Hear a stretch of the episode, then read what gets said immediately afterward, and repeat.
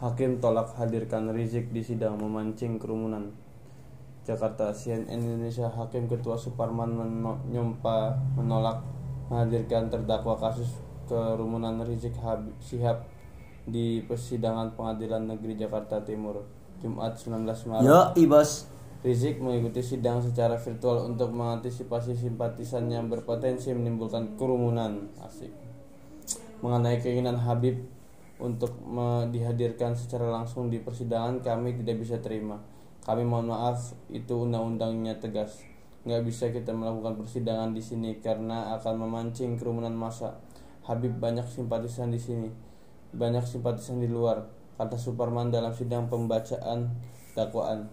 Suparman mengatakan potensi kerumunan kerumunan yang sangat besar memungkinkan terjadi bila Rizik dihadirkan secara langsung ke pengadilan.